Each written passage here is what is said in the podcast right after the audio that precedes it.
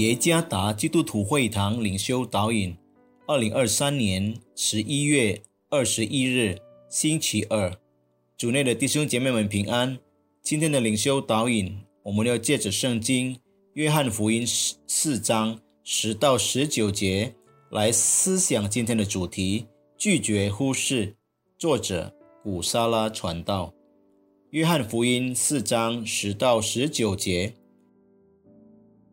耶稣回答说：“你若知道神的恩赐和对你说‘给我水喝的是谁’，你必早求他，他也必早给了你活水。”妇人说：“先生没有打水的器具，井又深，你从哪里得活水呢？我们的祖宗雅各将这井留给我们，他自己和儿子并牲畜。”也都喝这井里的水，难道你比他还大吗？耶稣回答说：“凡喝这水的，还要再渴；人若喝我所赐的水，就永远不渴。我所赐的水，要在他里头成为泉源，直涌到永生。”妇人说：“先生，请把这水赐给我，叫我不渴。”也不用来这么远打水。耶稣说：“你去叫你丈夫也到这里来。”妇人说：“我没有丈夫。”耶稣说：“你说没有丈夫是不错的，你已经有五个丈夫，你现在有的并不是你的丈夫，你这话是真的。”妇人说：“先生，我看出你是先知。”二零二三年九月四日星期一，一段视频上了热搜，是有关一位母亲差点把她的孩子扔弃在雅加达南部巴塞米古车站的热门新闻。视频中看到一位保安人员抱着正在嚎啕大哭的婴儿，与此同时，其他保安试图安抚着这位母亲。当安抚他时，那母亲很愤怒，并拒绝保安们的帮助。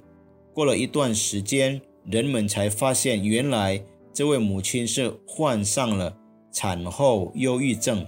就是在产后前两周，许多母亲会经历心中不稳定的情绪波动。